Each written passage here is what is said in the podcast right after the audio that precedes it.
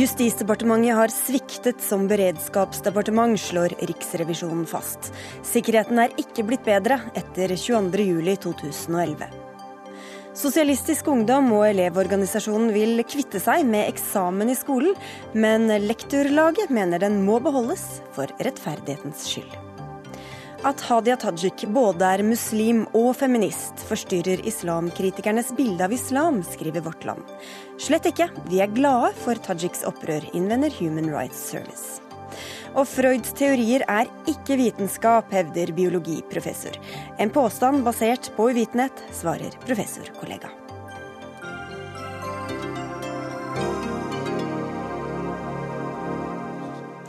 Dette er noen av temaene i dagens Dagsnytt 18 i NRK P2 og NRK2 med Sigrid Solund i studio. Alvorlig er et uttrykk vi sjelden bruker. Det sa riksrevisor Per Christian Foss, og brukte det likevel i dag. Det skjedde da han la fram Riksrevisjonens eh, undersøkelse av myndighetenes arbeid med samfunnssikkerhet og beredskap etter 22.07. For i motsetning til det sikkert mange tror, er sikkerheten ikke blitt bedre de siste fire årene, ifølge denne rapporten. Og Riksrevisor P. Christian Foss, hvor graverende vil du si at funnene deres er? Ja, Vår kritikk retter seg mot eh, Justisdepartementet, fordi Justisdepartementet et, etter de tragiske hendelsene 22.07.2011 jo ble utpekt til å være det ledende departement eh, i arbeidet med sikkerhet og beredskap. De skulle lede det i forhold til andre departementer, og de skulle samordne. Og vi ser nå på de undersøkelser vi har gjort i perioden, eh, også før 22.07. forresten, at eh, departementets arbeid har ikke bedret seg når det gjelder å bidra til å samordne effektivt beredskap og sikkerhetsøvelse mellom departementene. Heller ikke har de klart på en god nok måte å samordne fylkesmennenes innsats. Fylkesmennene er pålagt økte oppgaver innenfor sikkerhet og beredskap i regionalt og lokalt, men har ikke fått økte ressurser til det. Heller ikke fått frigitt andre oppgaver. Det kunne også tenkes at de slapp å gjøre noe, kunne omprioritere. Og samarbeidet mellom departementet og Direktoratet for sivilt beredskap, DSB, eh, syns også å skrante, for å si det forsiktig. Så sikkerheten og beredskapen er rett og slett ikke blitt bedre? På dette området, som skal koordineres av myndighetene, betydning departementene og, de, og alt underliggende, så synes det ikke har vært noen bedring. Og hva, hva, er det som ikke har blitt gjort riktig, da? Hvor er det de ikke har fulgt opp? Ja, Det er vanskelig å gi en analyse av eh, hvorfor. Men det virker som om beredskapsdelen av Justisdepartementet ikke er helt på stell. Om det skyldes mangel på personell eller kvalifikasjoner, det skal jeg ikke ha sagt. Det får statsråden svare for. Men eh, en sentral oppgave, for å ta et eksempel, eh, for departementet er jo de skal jo samordne øvelsene som DSB eh, utfører i departementene eller for departementene. Og Poenget med øvelser for beredskap det er å lære av øvelsene. Det som går galt i en øvelse, må ikke skje om igjen. Og det må andre departementer også lære av. Her må altså departementfellesskapet eh, opptre samlet under ledelse av Justisdepartementet. Og det må bli koordinert. Også med den lokale beredskapen som fylkesmennene har ansvar for. Og her mener vi at Justisdepartementet svikter sin oppgave. Nå er det iverksatt, sier statsråden, en del tiltak.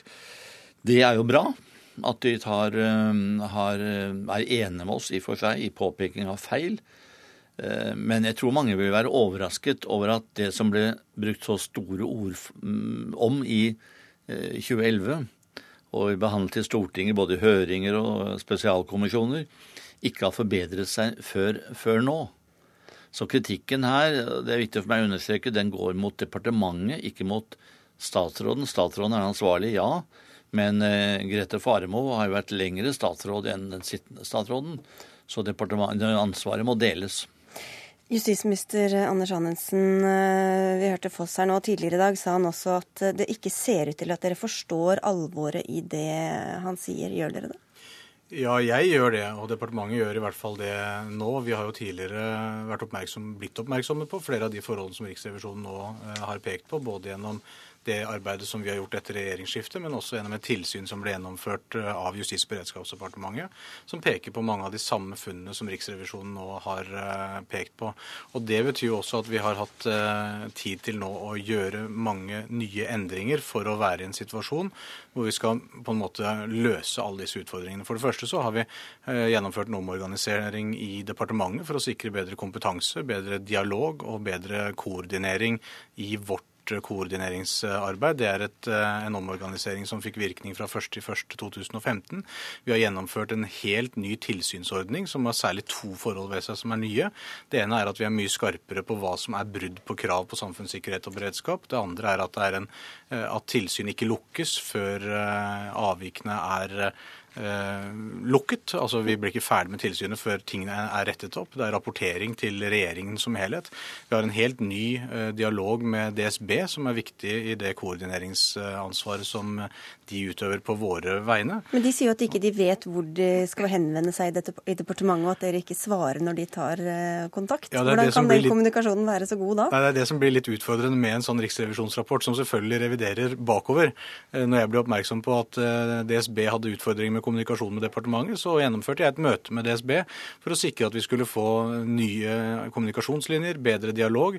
Det har bl.a. ført til at jeg nå har direktemøter med DSB eh, flere ganger i året for å sikre at de kan ta opp direkte med meg utfordringer som de ser. I tillegg så har da strukturen i departementet som jeg nevnte gjennom denne omorganiseringen, ført til at vi har en annen dialog med DSB nå enn det som har vært tilfellet tidligere. Og jeg er veldig glad for at riksrevisoren også er veldig tydelig på at hovedutfordringen her er jo at dette har vært utfordringer som har vært kjent over tid, men som det ikke er blitt gjort noe med før vi nå gjennomfører de tiltakene som er viktige for å, men, løse disse utfordringene. Men Foss, er det sånn at de tiltakene som Anundsen skisserer her, svarer på alle de eh, kritikkverdige forholdene som dere peker på i deres rapport? Det vil kun tiden vise.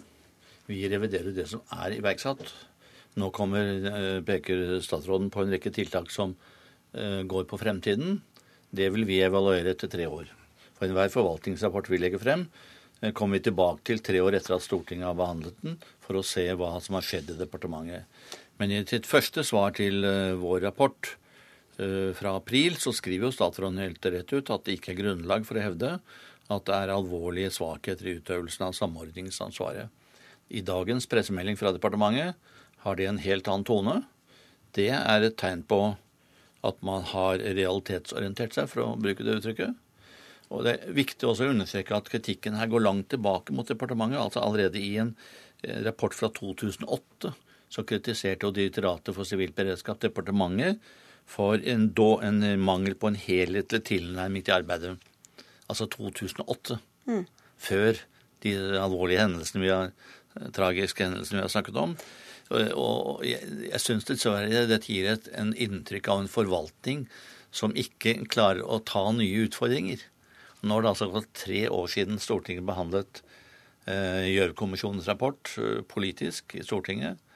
Og eh, fortsatt har vi altså observert betydelige svakheter både gjennom 2012, 13 og 14. Så dette er, går lenger altså Det er ikke bare fordi det er jo det er åpenbart, dette går langt tilbake. Ja. Men i løpet av de siste halvannet årene som Anders Anundsen har sittet ved makten, altså, kan du si noe om hvordan det har vært fulgt opp da? Ja, Jeg skal være forsiktig med å karakterisere politisk statsråds gjerninger, men la meg si det sånn, det hadde vært bra om noe hadde vært iverksatt også for halvannet år siden. Altså Departementet har jo vært klar over, som det alltid er når vi lagde en forvaltningsrapport, et år tilbake at departementet var klar over hva vi ville undersøke. Og det er klart at når de ser hva Riksrevisjonen eh, setter kritisk søkelys på, da er det ikke så uvanlig at departementet da begynner å skjerpe seg. Mm. Men eh, mange vil jo si at det var sannelig på tide. Men de har ikke gjort det så langt før disse tiltakene? Før disse tiltakene, ja. Men jeg, jeg sier at vi kan jo ikke vurdere Nei. hvordan tiltak skal kommer til å virke i fremtiden. Vi må se på hvordan det har virket når det har skjedd. Men du skriver i svarbrevet ditt Annonsen, også at det ikke er grunnlag for å konkludere med at utøvelsen av samordningsansvaret har så alvorlige svakheter. Hvordan kan du si det etter den rapporten? Nei, det som er uenigheten i hermetegn, hvis en kan si at det er en viss grad av uenighet, så er det virkningen av de tiltakene som da er iverksatt.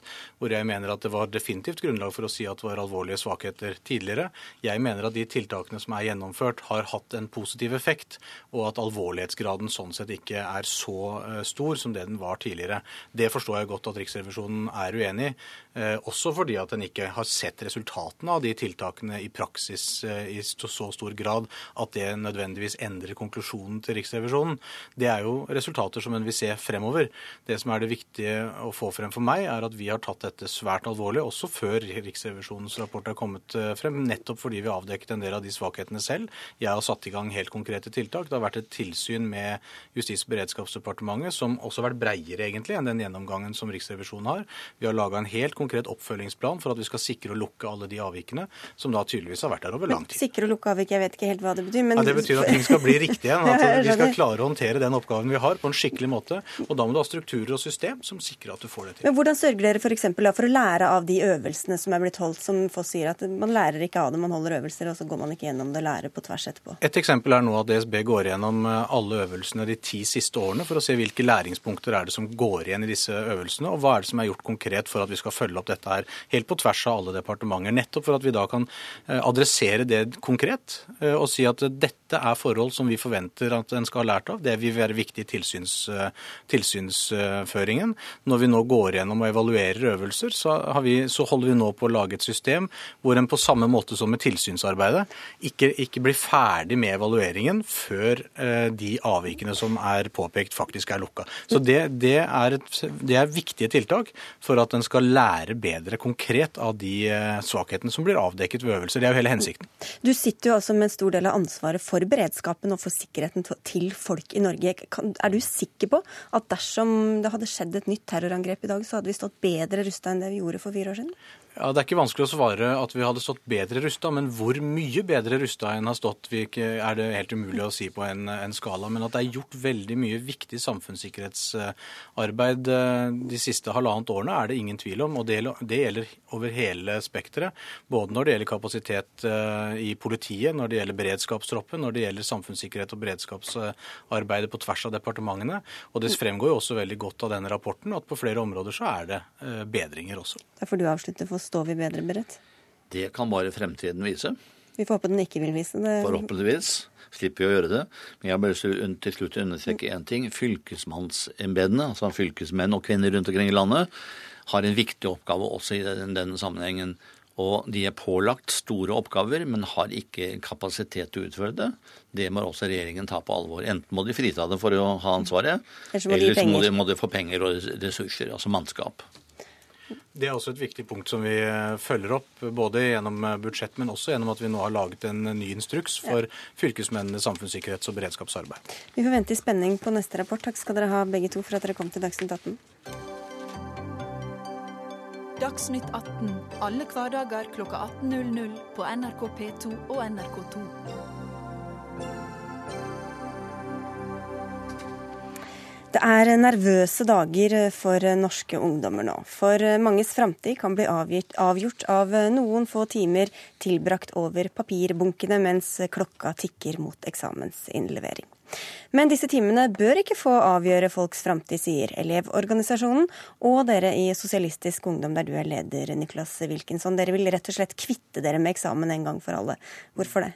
Vel, Vi går gjennom eh, skolen 2500 skoledager der vi skal lære oss kunnskap. Og så skal man sitte fem timer i en svett gymsal, og det skal forelegge framtiden din. Så det vi vil, er jo at alle elever må få vise hva de kan, på en rettferdig måte.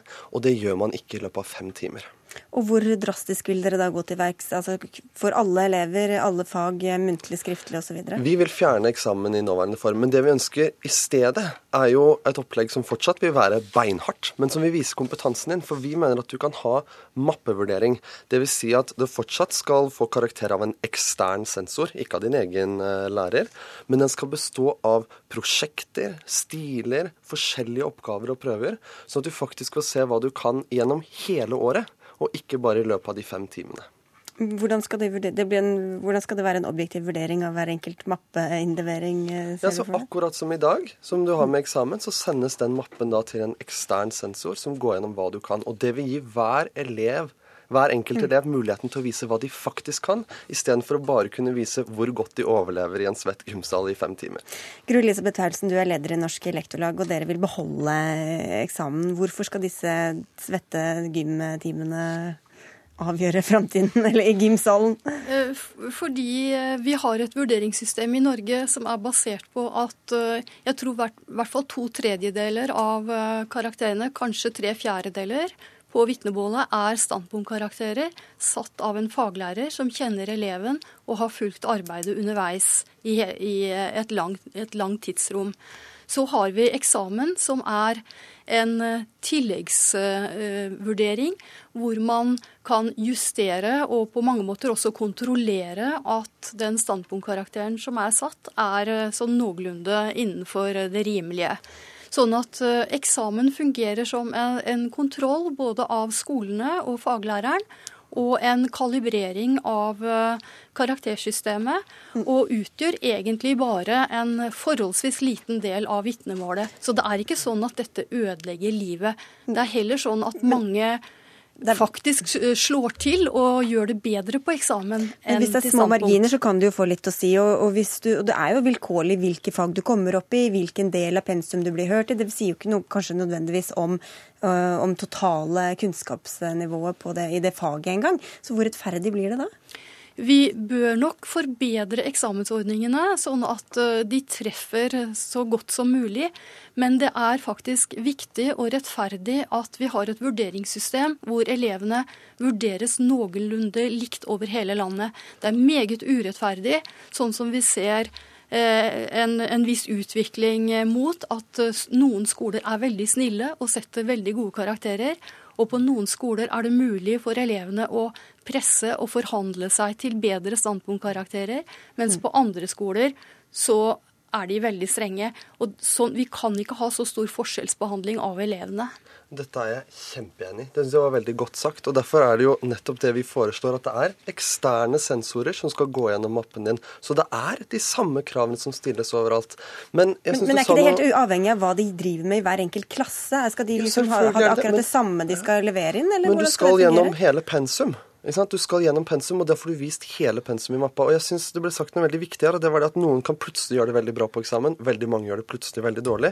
Og grunnen til det, det er fordi at du har da et helt år med pensum, og så på fem timer skal du putte det inn i. Det går jo ikke. Så da må man bare litt på flaks velge ut et visst tema. Ja. Og det betyr at jeg kan bli trukket opp i kanskje den ene 1800-tallsforfatteren jeg kunne om, selv om jeg ikke kunne noe i resten av faget. Så får jeg sekser. Det er å spille lotto med elevers framtid, og det er urettferdig. Men uh, hva med denne mappeinnleveringen da, som et alternativ? Ja, Nå er det forsket noe på mappevurdering, og det viste seg faktisk at uh, bruk av mappevurdering, det som uh, på de skolene hvor det ble brukt, så hadde elevene dårligere læringsresultater. Så av en eller annen grunn så viste det seg at det var en vurderingsform som ikke fungerte så godt. Men det var jo en del av standpunktvurderingen. Det som skisseres her nå, er jo et eget parallelt vurderingssystem hvor vi skal ha Vi må vel ha to eksterne sensorer hvis dette skal gå ordentlig for seg. Og da skal vi altså ha trippel vurdering av elevene og elevarbeiderne. Unnskyld, elevarbeidene.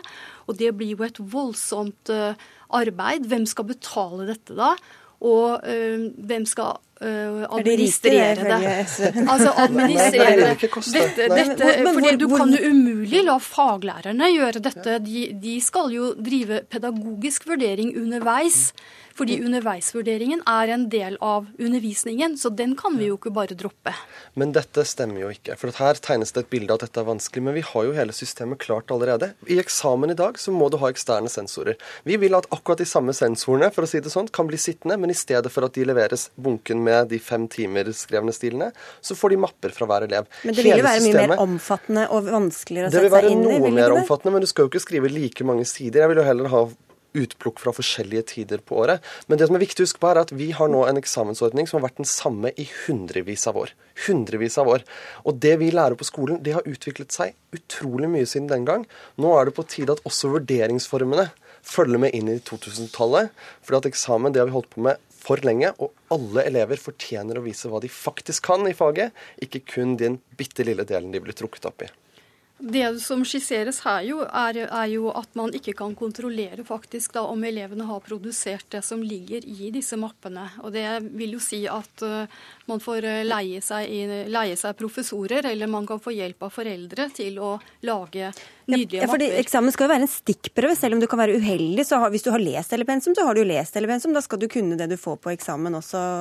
Wilkinson? Ja, det skulle du håpe. Jeg snakket med en av mine unge medlemmer som skulle ha eksamen nå i dag. Uh, hun har sekser i matte og hadde matteeksamen i dag, og hun fortalte om den hvor vondt hun får i magen, de svette hendene, de følelsene som tusenvis av norske barn kjenner seg igjen i. Hun kan det faget inn og ut. Men hun kan ikke det å bli trykket inn i en svettgymsal sånn og bli fortalt Er det vel i voksenlivet at du kan komme på jobbintervju eller du kan komme ja. i situasjoner hvor du rett og slett må prestere men, men, men der og da. Men dette er jo nettopp tingen. Det er jo ingen i voksenlivet som møter den situasjonen der. Det er ingen situasjoner i voksenlivet som ligner på eksamen. Der vil jeg protestere på det sterkeste. Når du skal på jobbintervju, og i veldig mange yrker, så skal du prestere der og da, og du må gjøre det uten hjelpemidler, og du vurderes der og da.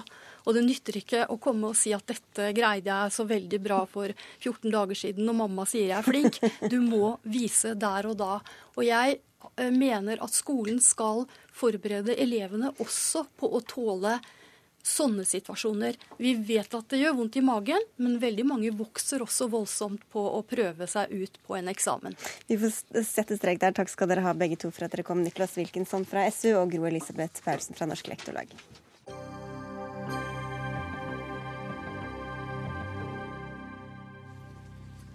Kun dager etter at IS invaderte byen Ramadi i Irak, har terrorgruppa også tatt kontroll over den syriske oldtidsbyen Palmyra etter kamper mot regjeringshæren. Palmyra er en ruinby som ligger som en oase i Syrias ørken. Byen fra antikken står på Unescos verdensarvliste, og hvis IS går fram her, som de har gjort i andre byer, kan det bety at 2000 år gamle kulturminner kommer til å bli ødelagt. Sigurd Falkenberg Mikkelsen, du er Midtøsten-korrespondent i NRK. Du har også vært i Palmyra selv. Fortell litt om denne byen. Altså, det finnes jo mange ruinbyer og ruiner i Midtøsten. Eh, men eh, jeg syns Palmyra er et av de absolutt eh, vakreste stedene. Det ligger ute i en gammel oase i utkanten av den syriske ørkenen. Var da sentrum for et gammelt, et gammelt rike. På sitt høydepunkt så var det hersket av dronning Zenoba. Og slåss da mot romerne. Det, det, er masse historie her. Og det er også da templer, eh, som eh, bl.a. Ble, ble brukt til solguden Baal, eh, som da man kan eh, frykte at eh, IS kommer til å drive vandalisme mot. Ja, hva, slags, hva mer kan du si om selve de kulturminnene som mange frykter for? Ja, altså det, er, det er store, det er store, det store bygg, eh, store byggverk. Det er, eh, det er rader med kolonner, det er, det er, søyler, og så er det da dette tempelet. Og så er det en del graver. Veldig veldig mye. Det er også, også et berømt gravsted der som, som, som, kan bli ødelagt. Dette er ting som ikke går an å, å, å, reparere igjen. Mens syriske myndigheter har fraktet ut noe av det, det som var mulig å frakte ut, er allerede fraktet ut. Det har de også gjort fra Nasjonalmuseet i, i Damaskus for øvrig. Men, men alt, alt, det som er permanent, og det de ikke kan flytte på, det, det står nå i fare. Mm. Cecilie Helstveit, du er seniorrådgiver ved International Law and Policy Institute. Og vi har sett IS ødelegge unike kulturminner andre steder, bl.a. en moské i eh, Raqqa. Hvorfor gjør de det? Hvorfor går de fram på den måten? Det er nok litt ulike grunner til det ulike steder. Eh, det som er litt av IS sin religiøse begrunnelse, er jo den renhetsideologien som de forfekter, hvor de mener at alt som på en måte vitner om andre ting enn den uh, rene islamtolkning som de selv står for, det skal ødelegges og ikke gjøres tilgjengelig for det de kaller for avgudsdyrkelse. Dette her er på en måte en, en eh, bevegelse innenfor islam som er veldig opptatt av det de kaller for kirke, altså avgudsdyrkelsen, og det må vekk. Det er litt av det man har sett også i Taliban, ikke sant, i Bamiyan osv. At man, av, man ødelegger eh, religiøse og andre typer symboler som, som, representerer noe annet enn det man selv prøver å bygge. Men eh, akkurat når det gjelder disse disse mer permanente strukturene i, Irak, som de jo ødela her for en måned siden. En gammel Nimrod, en gammel, gammel by som var hovedstedet i det asyriske riket, og det som eventuelt kommer til å skje med Palmyra, det er mer politisk eh, betydninger i også, fordi IS har som prosjekt å ødelegge skal vi si, nasjonalismen i Irak og Syria. De har et annet prosjekt som ikke forholder seg til de moderne nasjonalstatene. Og, og oldtidsminnene har hatt en veldig viktig funksjon i å bygge syrisk patriotisme, nasjonalisme, òg i Irak de siste ti årene under Baath-regimet. For dette er jo sikkert da ting som de er veldig stolte av. og Hvordan rimer det, eller henger det sammen da, hvis IS prøver også å vinne over lokalbefolkningen på et eller annet vis? ikke sant? De tilbyr jo andre Ja, men du kan gjøre det med ren maktutøvelse også, eh, og det er det de gjør. Eh, så det er jo også en måte å drive både skremselspropaganda utover, eh, og også vise hvem som, hvem som nå regjerer. Så dette er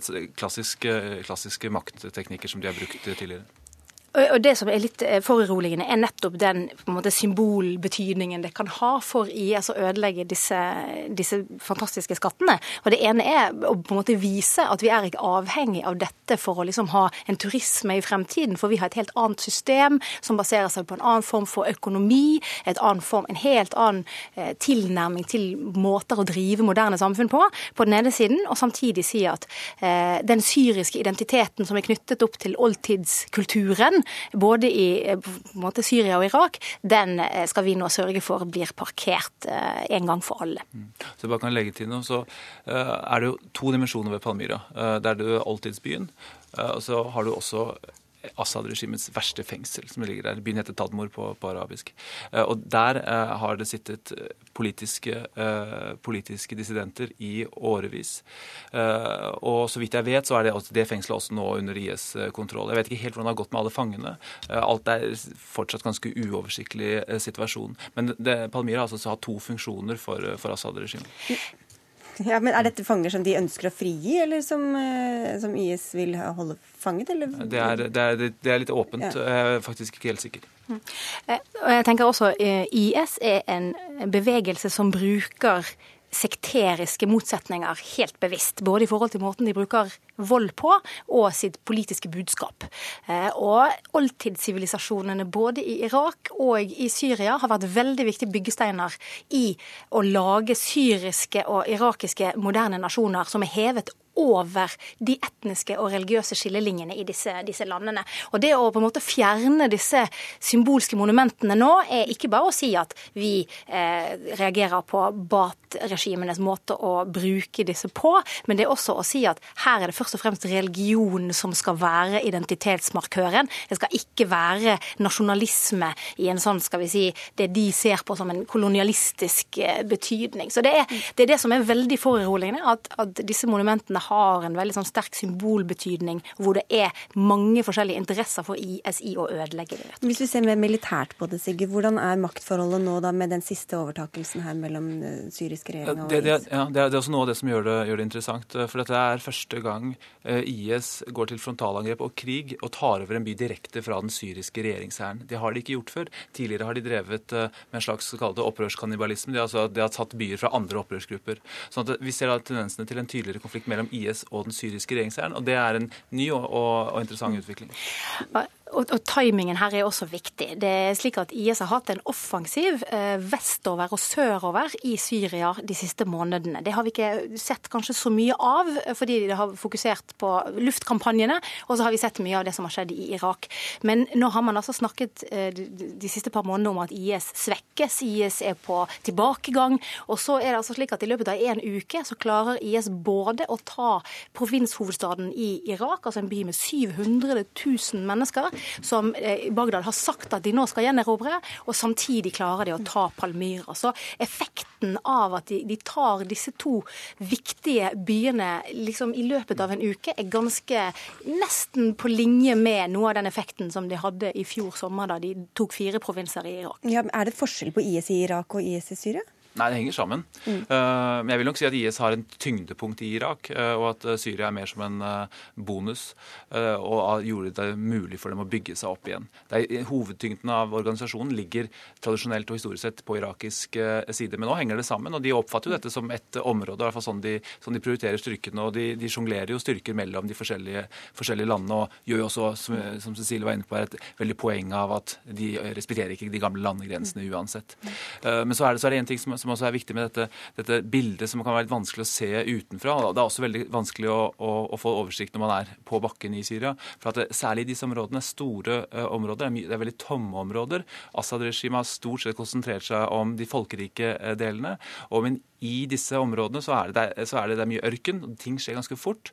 Uh, og det er, det er, det er uoversiktlig. Og, og, jeg var sist uh, og kjørte på disse, disse veiene hvor, hvor, det er kamper på nattestid hele tiden. Det er en flytende situasjon. Eh, men når da noen av disse gruppene som nå er mye bedre organisert, velger å slå til, så kan de altså gjøre sånne ting. Og så også ha med at, at på den andre siden av frontlinjen, altså litt lenger, litt lenger uh, nord og vest i landet, så har andre opprørsgrupper også tatt store, store by, og viktige byer fra, fra, fra regimet den siste tiden. Det kan jo kanskje virke rart å bekymre seg over ruiner som blir ødelagt av en gruppe som også torturerer og halshugger uh, mennesker, men hva kan Syria og også verdenssamfunnet gjøre? Gjøre da, for å redde begge deler, for å si det på måten? Nei, altså Etter eh, at IS ødela eh, denne gamle oldtidsbyen i Irak i forrige måned, så gikk eh, Ban Ki-moon ut og kalte dette for en krigsforbrytelse. Og det er klart at det å ødelegge denne form for kulturminner, det er ikke lov eh, i krig.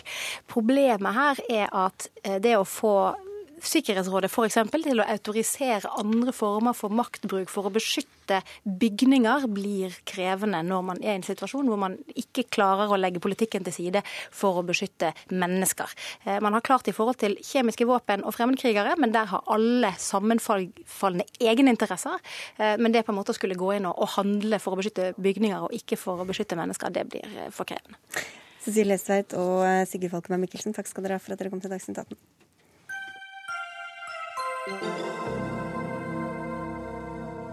At Hadia Tajik eh, står fram som muslim og feminist, forstyrrer islamkritikernes bilde av islam. Det skriver Vårt Land i dag. Bakgrunnen er Arbeiderpartipolitikerens svar til pseudonyme Jeanette. I et åpent brev på nettsida til Human Rights Service spurte hun om muslimske jenter kan gifte seg med ikke-muslimer, slik Tajik har gjort i ekteskapet med høyrepolitikeren Stefan Heggelund. Og denne ordvekslinga har vakt mye og opphetet eh, debatt. Berit Aalborg, du er politikk- og samfunnsredaktør i Vårt Land, og det var ditt sitat i åpningen her. Hvorfor mener du at Hajik eh, provoserer islamkritikere? Jeg tror det virker som Storhaug og HRS ønsker å opprettholde et bilde av muslimske kvinner som kun undertrykte. Og, og Hadia Tajik hun er både muslim, hun er opptatt av religionsfrihet, og derfor så sier hun at hvis man ønsker arrangert ekteskap, så kan man få lov til det så lenge det ikke er tvang. Og så er hun også feminist. Og det knuser på mange måter det bildet som organisasjonen og det jeg har sett på nettsidene prøver å skape av eh, eh, muslimske kvinner, som da gjelder mange, men som ikke gjelder alle. Og de har kommet med en rekke tekster. Eh, den siste tiden som forsøker å undergrave det faktum at det finnes endringer i en del muslimske miljøer i Europa, eh, hvor det er da en åpning for at man kan da gifte seg på tvers av eh, ja, med ikke-muslimer. At kvinner kan gifte seg med menn som ikke er muslimer. Ja, Du skriver at hvis eh, Hadia Tajik hadde tatt avstand fra islam, ville nok Storhaug og HRS trykket henne til sitt bryst. Hvordan begrunner du det? Jeg tror det handler om at da hun passet mer inn i det bildet. Altså at du Enten så er du muslim, og hvis du da, eh, hvis du da blir, blir, opptatt av likestilling og får, får, ditt eget liv, så kan du ikke være innafor islam lenger. og Det er derfor det er begrunnelsen min for det. Hun ødelegger fiendebildet deres, Hege Hegge Storhaug. Du er informasjonsleder i Human Rights Service. Ja, jeg har vel aldri lest en så eh, opp-ned-artikkel i mitt liv. HRS har hatt tema muslimer, eh, jenter, jenter og kvinner, muslim, kvinnelige muslimer sin frihet. Og selvfølgelig rett til menneskerettigheter, som oss alle andre, i front. Og vi har fått til politikk både i Bondevik-regjeringen, Stoltenberg-regjeringen og Solberg-regjeringen. Og vi er jo kjempeglade for Hadia Tajik Altså, jeg, For å si det personlig, så er jeg glad ikke hun er frafallen. Fordi at hun er nå en enorm rollefigur for så mange jenter i landet vårt. Hun viser makta, fingeren. Hun sier at 'jeg tenker sjøl'. Vet du hva, Jeg tillater meg å bruke hodet mitt, og jeg tolker islam akkurat som jeg vil. Hun fremstår helt forbilledlig. Og problemet som vi har diskutert, eh, Berit Aalberg, på i, i, artikler, og som, som, vi har tatt opp i mange runder i, i, gjennom årene, det er jo det at disse Altså, Islam er en lovreligion. Og den er fastlåst tilbake til 1100-tallet når det gjelder autoritetenes syn på muslimer og ekteskap. Og alle er unisont enige, dessverre, om at det er et lovforbud for muslimske kvinner. Og at Hadia Tajik bryter dette, det applauderer vi. Ja, jeg er veldig glad for at du nå sier at du applauderer det. fordi det som har skjedd de siste dagene vi, jo, vi har jo gjort det flere ja, ganger. Men du har vært veldig dobbel i din kommunikasjon, Hege Storhaug. Fordi du har brukt veldig mye tid og krefter på å rive ned og forsøke å uh, så å si dra bort autoriteten under Hadia Tajik. Så det at du nå sier at du er glad for det, det syns jeg er fint. Og det, det, burde man være i Norge i dag. Uh, og når det gjelder dette med lovreligion, så er det sånn at uh, koreanske tekster i Koranen kan tolkes på ulike måter. Det kan også bibelske tekster gjøre. Og, og det er ikke sånn at man enten, en, enten, holder seg til en veldig konservativ tekst, eller så er man utenfor islam. La meg snakke ferdig. Sånn at du prøver, du fremstiller det som veldig svart-hvitt. Men jeg er nå glad for at du sier at du applauderer Hadia Tajik. Det, det, er, trenger man. Det, det, er vel et spørsmål om hvem som skal få lov å definere islam også, Hege Storhaug. Om du sier at hennes definisjon av islam er like eh, riktig som den dere kommer med, f.eks.? Nei, altså, Nå er det ikke sånn at vi definerer islam, og det kan heller ikke Berit Aalborg sånn sett. Eh, det som er det sentrale her, er at Hadia Tajik tar et standpunkt om at den personlige friheten til en muslimsk kvinne den står over islamsk lov. Og dermed så taler hun makta i Norge midt imot. Hun taler den unisone islamske verdens lovverk. Al-Azhar-universitetet, eh, OIC, som har nedfelt i en menneskerettighetserklæring at muslimske kvinner ikke har lov til dette. Men spørsmålet er hvor unison den er. Det var jo fire andre muslimske kvinner som også rykket ut etter det ja, oppslaget hos dere. Private, som sier at, valg. at de, de, trenger ikke noen avklaring fra Hadia Tajik, for de har ikke det samme synet på islam som Nett, det du har. Nettopp. Ikke som jeg har. Jeg refererer til hva de lærde sier, og det er det som er det flotte nå. For det vi trenger, er et opprør mot disse lærde. Og det er det jeg har problematisert på Human Rights Service sin eh, nettside. Hva er det som er problemet her? Jo, det er at disse lovskolene har stått fast siden 1100-tallet. Nå må det komme et opprør. Hadia har begynt. Jeanette gjør det i tospannet, de to nå. Kjempebra. Og det er helt riktig, det er ikke så unisont. Og vi har i vårt land eh, laga hadde en sak på det i går, at nå er det en del steder i Europa hvor imamer begynner å si ja til å, å kunne gifte eh, islamske kvinner med menn som ikke har den troen. Og da regner jeg med Hege Storhaug at du slutter å drive med den typen eh, argumentasjon hvor du sitter på bloggen din og sier at du ser på giftermålet Islamabad for å vise hvordan islam funker. Fordi at vi, kan, vi lever i Norge i dag, og det er mange kvinner som agerer agerer, og mange familier som agerer annerledes, også muslimske familier. og vi, vi, kan ikke sammenligne oss med Islamabad sånn som du gjør på dine tekster. Og jeg tenker Da taler du dobbelt, og det må du slutte med. Hvis du skal applaudere Hadia Tajik, så må du gjøre det, og så må du ikke ha en dobbel undertekst som ligger der hele tiden. Det, det, du tar helt feil, Berit Aalborg. Jeg forholder meg til faktisk dokumenterbare forhold som har konsekvenser helt inn i naboleilighetene våre. Og dette har ikke blitt tatt på alvor, dessverre, av den ene regjeringen etter den andre. Dette her er vår tids verste rasisme, for det handler om kulturrelativisme som har gått på bekostning av tusener av muslimske jenter og kvinner i Norge. Og det kommer til å fortsette å gå på bekostning av deres eh, menneskerettigheter. Men vi skal fortsette å ta denne kampen med statisk, autoritær islam, som nå heldigvis Hadia Tadiq tar et oppgjør med personlig. Og det er bra, men nå må vi få moskeene på banen. Og det er derfor jeg har vært aktiv på, på, på Rights.no i det siste. Nå må vi få talspersonene på banen, for de må også si hva de mener. Det er veldig bra at du nå har lyst til å snu i forhold til den argumentasjonen du har drevet. Nei, og så har jeg lyst til å si en ting. For sånn som du driver på, på, på og uttaler deg i offentligheten og skriver, så tror jeg det er ganske mange unge muslimer som ser på deg, og så tenker de OK, hva er nok? Når blir jeg nok, eh, nok, når blir jeg nok norsk?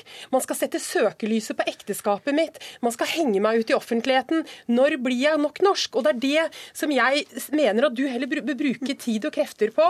og, og, og å se på det virkelig store problemet, og det er nemlig radikaliseringen av unge muslimer i Norge. Og det er du helt sikkert opptatt av. Ja, jeg har jobba i 23 år for disse menneskerettighetene til jenter og kvinner i muslimske miljøer. Men for å følge opp det Berit Olberg sier, hvor, hvor, lett mener du at dere gjør det for muslimske kvinner, eller menn for den saks skyld, eh, som ønsker å utfordre det konservative bildet av, eh, av islam? Og den tolkningen av islam som du refererer til også? Ja, Nå har jo vi gjort en fantastisk jobb. Vi har antagelig gjort den viktigste jobben hittil i år når det gjelder menneskerettigheter, ved at Jeanette publiserte den teksten eh, på rights.no. Eh, det har jo skapt en vanvittig bred debatt. Eh, problemet nå er å ha fakta i bånn på hva er bildet på bakken.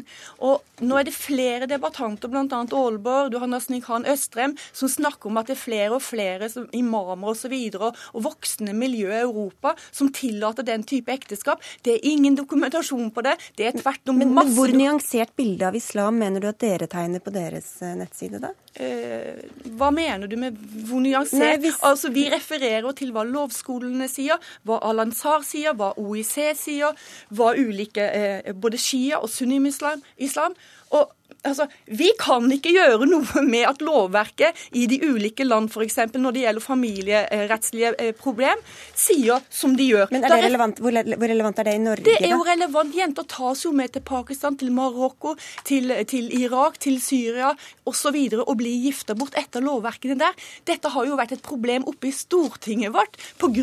HRS sitt arbeid med å presse på lovverket i Norge for å hjelpe disse jentene. Og det er da det er så underlig, Hege Storhaug, at du bruker bruker tida di på Hadia Tajik, som er, storting, som er, stortingsrepresentant og nestleder i Arbeiderpartiet, og som har gifta seg med nordmann, at du bruker kreftene dine på henne, og ikke bruker det på å motvirke radikalisering. Du, du kan du gjøre begge deler, da. Ja, det kan du gjøre, men hun bruker veldig mye tid på akkurat den biten der. Og jeg, jeg tror du heller Ja, men Er det ikke nå vi skal bruke tid på Tajik? Skal vi heie på Tajik nå? Jo, vi skal heie på Tajik, det men det har jo ikke du gjort. Ja, men Det har vi jo gjort i den ene artikkelen etter den andre. Vi heier på Hadia Tajik. Hun er jo den store stjerne nå i kampen for feminisme og islam. Vi får avslutte med denne unisone heiingen. Kunne fortsatt lenge, men uh, si tusen takk i denne omgang for at dere kom, i hvert fall. Berit Aalborg og Hege Storhaug, som vi får også ønske gratulerer med dagen sånn på tampen. Hør Dagsnytt 18 når du vil. Radio NRK Radio.nrk.no.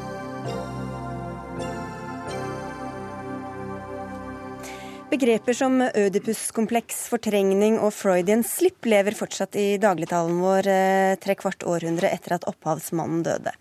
Psykoanalysens far Sigmund Freud har satt dype spor, men den uvitenskapelige metoden hans kan ha satt vår forståelse av menneskesinnet et halvt århundre tilbake. Det sto å lese i Aftenpostens Uvitenspalte denne uka, med din signatur, Christian Gundersen. Du er professor i biologi ved Universitetet i Oslo. Hvordan kan han ha ødelagt for forståelsen forståelsen av sine, tenker du? Først og fremst fordi at han var så dominerende, eller, eller skolen etter ham da ble så dominerende og så doktrinær. Eh, det var jo ikke lov med avvik, da ble man ekskludert. Og, og fordi altså ble dominerende, var i hvert fall i USA en lang periode hvor man måtte være psykoanalytiker for å kunne lede en stor behandlingsinstitusjon. Eh, og når det er kombinert med det jeg mener er altså en uvitenskapelig metode, selv etter datidens mål må man nok si at den var uvitenskapelig, og, og, spesielt med moderne mål, og at man ikke har klart å komme noen vei på ja, 76 år er det vel siden Freud døde, det syns jeg krever en, en, slags form for oppgjør. Og det var flere som var raskt ute med å svare deg. Eh, Siri Gullestad, du er professor i klinisk psykologi også ved Universitetet i Oslo. Eh, sammen med flere kolleger så skrev du at han driver nærmest gjennomgående feilaktig eh, analyse av psykoanalysen. Er, det, er psykoanalysen en vitenskap, for å ta det først? Ja, det vil jeg si. Og eh, altså først til psykoanalyse. Det refererer jo til tre distinkte felt, vil jeg si. Det er et svært fagområde. Det er både en teori om personlighetens utvikling og organisering. Det er en teori om utvikling av psykiske lidelser, og det er en behandling. Og innen alle disse feltene så har det skjedd, vil jeg si, en rivende utvikling. Det med doktrinært, det kan nok være riktig for helt tidlig fase at noen ble ekskludert, som du sier, Christian Gundersen. Men det er eh, Psykoanalysen i dag er jo eh, ikke Freuds metode. Det er en teori som i tråd med Freuds ånd, vil jeg si.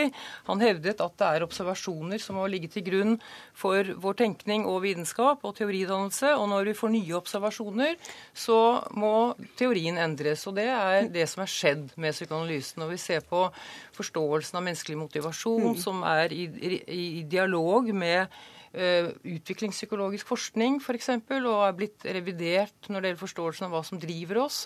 Uh, samtidig som grunnpilarene, altså tanken om at vi er uh, drevet mye mer enn vi liker å tro av mer ubevisste drivkrefter, den, det er jo noe kanskje Freuds hovedbidrag. Hvis, hvis man ser for seg, ja, for det, da, Man starter jo et sted, Christian Gundersen, og man kan jo tenke seg mange teorier som baserer seg på noe man observerer, og så, så forsøker å analysere, og så tilpasser man teorien de faktiske ja, funnene. Hvordan, hvordan Problem, skilles? Problemet er nok at, så vidt jeg har forstått, uh, uten at jeg syns kanskje det er så veldig interessant akkurat hva Freud mente, annet enn rent historisk, så tror jeg nok moderne Freud-forskning tyder på, eller iallfall er mange av den oppfatning at det var snarere slik at han tilpasset observasjonene til teoriene enn omvendt. Og Det er veldig uvitenskapelig. Og Det er også en form for det, altså det, å, se seg, det, det å se seg rundt Dere snakker om klinisk observasjon i dette, eller klinisk erfaring. Hva er det for noe? Altså, alle, alle vet jo at, at lemfeldig klinisk erfaring har liten vitenskapelig verdi. Det er veldig mange behandlingsmetoder, også innen somatisk medisin, som har vist seg å være veldig feilaktig fordi de var, var, var, basert på såkalt klinisk erfaring. Det må altså gjøres litt mer ordentlig. Men kan man gjøre det innen alle skoler? Det er selvfølgelig vanskelig. Eh, men, også, men jeg har også lyst til å si at hvis man da leser dette innlegget dere hadde i går, var det vel, så, så, er det jo ikke spesielt imponerende. Dere sier at det er store studier på vei, men nå er det altså 76 år siden Freud døde. Så altså nesten, det er 100 år siden jeg har holdt på med dette her. Og når kommer evidensen? Og, og det er ikke nok å, å, si at det konkluderes med at det må forskes mer. Det, det sier man alltid. Det, det sier man om homopati også, at det må forskes mer. Når men, kommer dataene på bordet? Hvor mye har altså? kunnet la seg ja, altså, verifisere av hypotesene og teoriene? da? Og jeg, og jeg, tror alt er feil. Jeg tror både synet på, på hvordan personligheten er bygd opp, eller, eller sinnet er bygd opp, synet på og, og, effekten av behandlingen. Jeg tror alle disse tingene er nokså feilaktige. Men få høre hvor mye som har latt seg bevise tror, det. Altså, det. Du er en mann som forsvarer vitenskap i alle sammenhenger, Christian Gundersen, og, og, og ære være deg for det. Og, og samtidig her er det, når du skriver 'Farvel, Freud', så er det vil jeg si, skivebom på den måten at hva er, det, hva er det som du angriper? Er det personlighetsteorien? Er det forståelsen av, av utviklingen av psykiske lidelser? Men hvis vi ser på alt under ett, hvor mye har kunnet la seg vitenskapelig ja, bevise altså det, det, eller du, verifisere? Du, du, du, påstår, det er din påstand, at ingenting av dette har kunnet la seg etterprøve. Men har det det, da? Vi, ja, altså det, det vi sier, altså in, in, tanken om ubevisst, at jeg styrt av mer ubevisste prosesser. Den er veldokumentert innenfor sosial, psykologisk, eksperimentell ja, metode. Det, det, står det også i mitt og innlegg, men det er vel omtrent eh, også det eneste. Det er jo veldig mye mer Og beslutningsteori, Ja, og altså, tanken om altså, at indre konflikt og, og den utviklingspsykologiske historien din, altså psykoanalysen som behandlingstenkning, er kjennetegnet ved det at den har en eh, veldig god vil jeg si, forståelse av at de psykiske problemene du har i dag, det henger sammen med eh, tidlige emosjonelle samspill. Altså betydningen av følelsesmessig tilgjengelighet hos foreldre. Det er, dette er dokumentert ja, det, det er, i utviklingspsykologisk forskning, og vår behandlingsmetode hviler på ja, men, den dialogen med faglige disipliner. Ja. Altså, hvor mye er det man har gått bort fra da, av alle disse bindene og alle ja, disse teoriene? og sånn? Det, I, i en, en, teori som vil være eh, vitenskapelig, som du sier, det er vi helt enige om. Den må underkastes prøving. Så mye, er, mye av det er forkastet, rett og slett? Så en, en del av eh, Freuds begreper er forkastet forkastet altså, Fortrengte tanken. minner for eksempel, er jo noe av det jeg skriver om. Man må vel si at veldig mye av, av, det som har vært sagt om det, er galt. Og jeg tror også at det er riktig å si at, at, det har vært en altfor stor fokusering på veldig tidlig opplevelse, f.eks. Sammenlignet med opplevelser som kommer noe senere.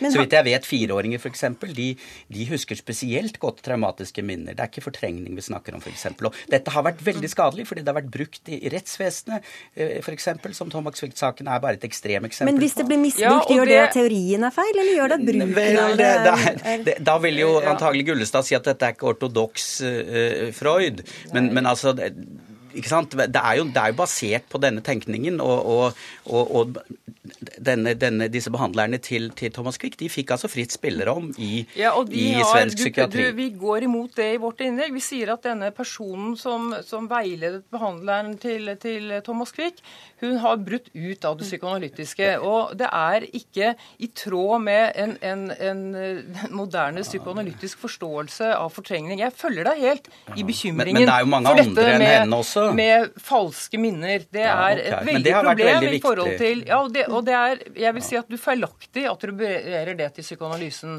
Det er eh, Jeg tror men, vel, hvis du ser historisk på det, så, så Ikke til psykoanalysen, og, altså, men til, si, til Jeg skjønner ikke hvorfor kommer du med dette angrepet nå? Altså, det, det er, han hadde en spalte han skulle Ja, nå har jeg irritert meg over dette siden studietiden og diskutert Freud og psykoanalyse siden da. Dataene kommer liksom aldri på bordet. Og det er ikke jeg som har bevisbyrden, det er dere. Og men, når jeg ser hva dere skriver om evidens i avisen, så er det altså nokså svakt. Men du driver med biologi. Er det andre typer kognitiv terapi f.eks.? Er det lettere å bevise Når det gjelder selve eller? behandlingen, så er det riktig at altså, det er, psykoanalysen trenger å fortsette å forske der. Og det er spørsmål også om hva slags begrep om evidens vi har. Altså all, og Det gjelder eh, medisinen bredt sett, og det er ikke all vitenskap som kan defineres i forhold til randomiserte, kontrollerte blindstudier. Det, eh, så vi trenger et bredere begrep om evidens. Og eh, det er eh, andre behandlingsformer som har vært lettere å forske på fordi de er mer kortvarige. Men det jeg ønsker velkommen.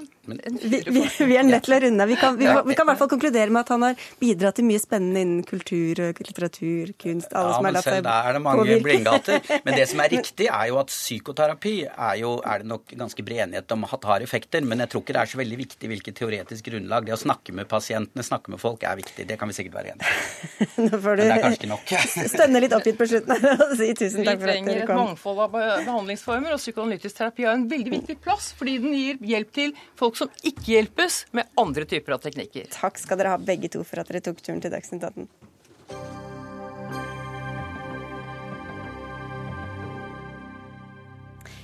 Ny dag, nye rapporter. I dag fikk næringsminister Monica Mæland en i hende fra Innovasjon Norge. Drømmeløftrapporten oppsummerer mange innspill fra norsk næringsliv om hva Norge bør gjøre i en tid med behov for omstilling, vekk fra olje og gass, over på nye bein å stå på. Og Hvis du skal oppsummere oppsummeringen, Anita Krohn Traaseth, administrerende direktør i Innovasjon Norge, hva er hovedpunktene i denne drømmeløftrapporten? Hovedpunktet er jo at det er først og fremst eh, ikke eh, forskere eller analytikere som har kommet med forslag til hva som skal gjøres. Det er innspill fra en bredde fra næringslivet, fra Sametinget i nord til Singapore i sør, som har vært med og konkretisert egne forslag. Så kvaliteten på de forslagene som kommer, kommer fra egen næring. Men det er et utgangspunkt og en overordna oversikt for politikerne våre, sånn at de kan se eh, hva de ulike ønsker. Eh, mm å satse på framover. Så det er først og fremst Dette er jo bare starten på, på, jobben eh, videre. Nå har vi kartlagt de ulike innspillene, og så må vi begynne å jobbe for å realisere hvordan vi løser de ulike forslagene. Og det er spørsmålet, næringsminister Monica Mæland. Hvordan skal dere bruke denne rapporten nå når dere skal eh, utvikle næringspolitikken i årene som kommer?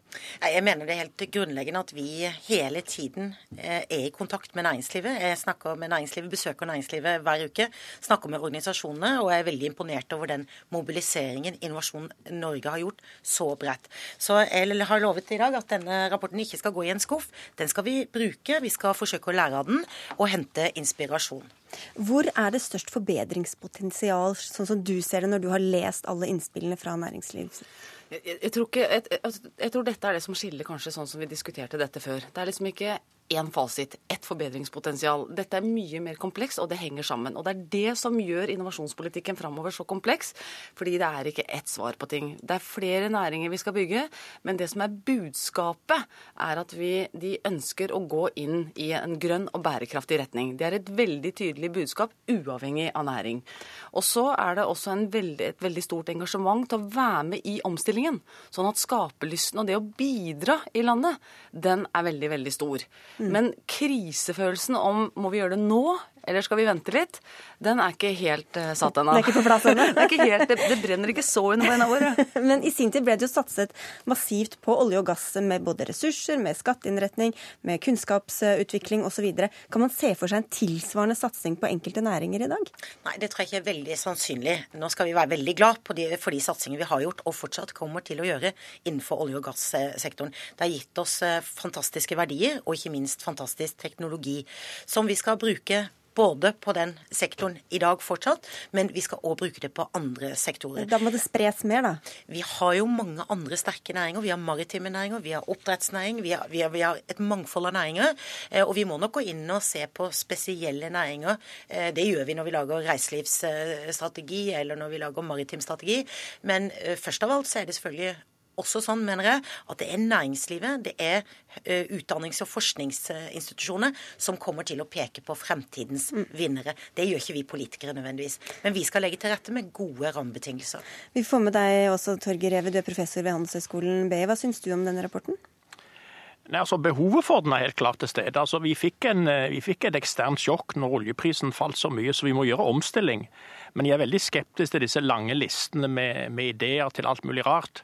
Altså, Det er ikke slik at vi kan bli verdensledende på alle mulige områder når vi er fem millioner mennesker. og Her er listen så utrolig lang at jeg er redd for at vi ender opp med å, å, å komme opp med flere nye ostehøvler. Altså, vi må, vi må omstille de sterke næringene vi har, hvor, vi, hvor det finnes mye kunnskap. Og så må vi finne nye anvendelser på de, gjøre det grønnere, gå i nye retninger.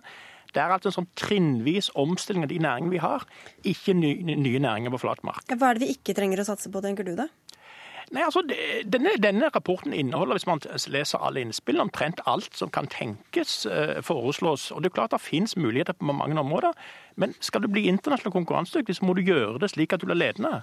Og Da er det bare noen få områder Norge kan bli ledende på. og Jeg er enig med næringsministeren når hun nevner de, det jeg kaller de nye havnæringene. Det som går på teknologi og hav, og verkstedsteknologi, det kan vi bruke på nye områder. Det behøver ikke finne olje og gass med den teknologien. Vi kan bruke den andre ting. Hvor flinke er dere til å prioritere Innovasjon Norge, da? Men eh, Torgeir Reva har jo helt rett. Eh, og det er jo dette vi ønsker å, å eksemplifisere. fordi at eh, når vi nå har bedt om innspill på hva som skal gjøres, så ønsker vi å demonstrere at det er en vilje og en lyst til å være med å bidra veldig bredt. Og så er jo vår klare anbefaling fra Innovasjon Norge at vi må prioritere det. En av de første anbefalingene vi hadde i dag. Men det betyr ikke viktigheten at vi må slippe alle til bordet og la de komme med forslagene.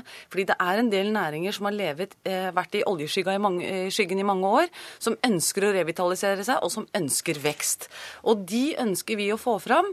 Og vi går ikke inn og sorterer og sier at det forslaget er dårlig eller det passer ikke. Det får andre gjøre. Vi kommer først i rapporten med vår samfunns samfunnsanalyse, som er veldig tråd med, med, med det Torgeir Reve sier. Men vi syns også det er en verdi å få fram all eh, verdiskapningspotensialet i landet, for det er ganske stort. Hva sier du til det, Reve? Nei, Hvis vi skal støtte ethvert tiltak eh, som man kan komme med enhver ny vill idé, så kommer vi til å sløse bort veldig mye penger. Jeg tror det handler om å være tung strategisk på noen få områder, hvor vi allerede har en, en, både en teknologibase og en kunnskapsbase. Men tenk, Klarer vi å tenke godt nok og nytt nok og innovativt nok ja. da, når vi skal ta utgangspunkt i alt det vi har fra ja, før? Ja, fordi at det, vi snakker ikke om å bruke det på de samme områdene, vi snakker om å bruke det på helt nye områder. Altså I stedet for å, å bore etter olje, skal en begynne å utvinne eh, mineraler på havbunnen eh, uten nødvendigvis å ha noe deponi. Eh, og, vi gjøre, og, vi kan gjøre, masse andre ting. Altså, er, jeg sitter og leder en OECD-arbeidsgruppe når, når, vi ser på havbruk til havs. Hvorfor skal vi ha disse merdene langs kysten? Kan vi ikke ha de ute i sjøen. Og da, da, da, trenger vi å bruke offshoreteknologi. Mm. Eh, fornybar energi til havs, bølgekraft altså Det er så mye vi kan gjøre som er kjerneområder for Norge. Ikke sånne velferdsteknologier og at vi skal ledende på romfart. Hvor i verden er det? Det står, i rapporten. Jeg tror Torgeir Revo må lese denne rapporten en gang til. Og der står det veldig tydelig hva som er anbefalingen fra Innovasjon Norge. Men det betyr ikke at det er noen stemmer i dette landet som har på en måte definisjonsrett på hva det er vekstpotensial. For det er ikke dere som har skrevet det, for. Det er innspillene fra næringslivet. Men bare for å si det, man skal ikke undervurdere romfartsteknologi. Norge er med i internasjonale programmer. Vi har fremragende miljøer. Ja, og vi ikke støtta lenger også, men ja. eh, inntar posisjoner på, også på det men, området. Men, men, men, poenget mitt er vi, vi har noen områder vi er sterke på. De må vi utvikle, og der er jeg veldig enig med Reve. Så vil det komme opp nye ideer, nye satsinger. Og da er mitt utgangspunkt at det er ikke jeg som politiker skal peke på hvilke områder og hvilke tema. Det kommer næringslivet og utdanningsinstitusjoner til å, eh, å peke på. Jo, rett og slett samtidig, fordi de får kunnskap. Samtidig kan man se for seg teknologier eller utvikling som er såpass dyr at ikke ett enkelt bedrift kan ta det for seg, eller ta, tør å ta det på, Men derfor har vi gedigne spleiselag. Vi bruker milliarder fra offentlig sektor eh, på Innovasjon Norge, på Forskningsrådet, for at næringslivet skal få spleiselag på å utvikle eh, ny teknologi, på å omstille seg. Det er jo noe av det som har vært hovedsatsingen vår fra regjeringens side. Det er jo å bidra til eh, omstilling gjennom at næringslivet får tildelt penger til å omstille seg og utvikle seg. Men Er de systemene gode nok, eh, sett med dine øyne? Ja, men altså, Her må jo alle være med å ta ansvar. Vi går jo gjennom en egen omstilling i Innovasjon Norge for å bli mer relevante for våre tjenester. For hvis vi blir mer relevante, så har det en kjempeeffekt for næringslivet. Men eh, i, i vår anbefaling så ønsker vi nå å legge fram alt potensialet som fins i Norge. Vi må begynne der. Og så skal vi begynne å velge. Nummer én er å ta utgangspunkt i det vi allerede er gode på. Det er vi alle enig i. Men så må vi også løfte øya våre og være litt ydmyke for at det faktisk også har vokst fram noe potensial de siste årene, og de må vi være villige til å se på. Og så får vi se hvor mye Monica Mæland blander seg inn i det og, og styrer, hvor mye næringslivet styrer helt selv. Vi må si tusen takk til dere denne omgang, Anita Krohn Traaseth, Monica Mæland og Torgeir Reve, fordi Dagsnytt Dagsnytt 18 er over for i dag. Alf Fartken hadde ansvaret for den. Hanne Lunås var tekniker, og i studio Sigrid Solund.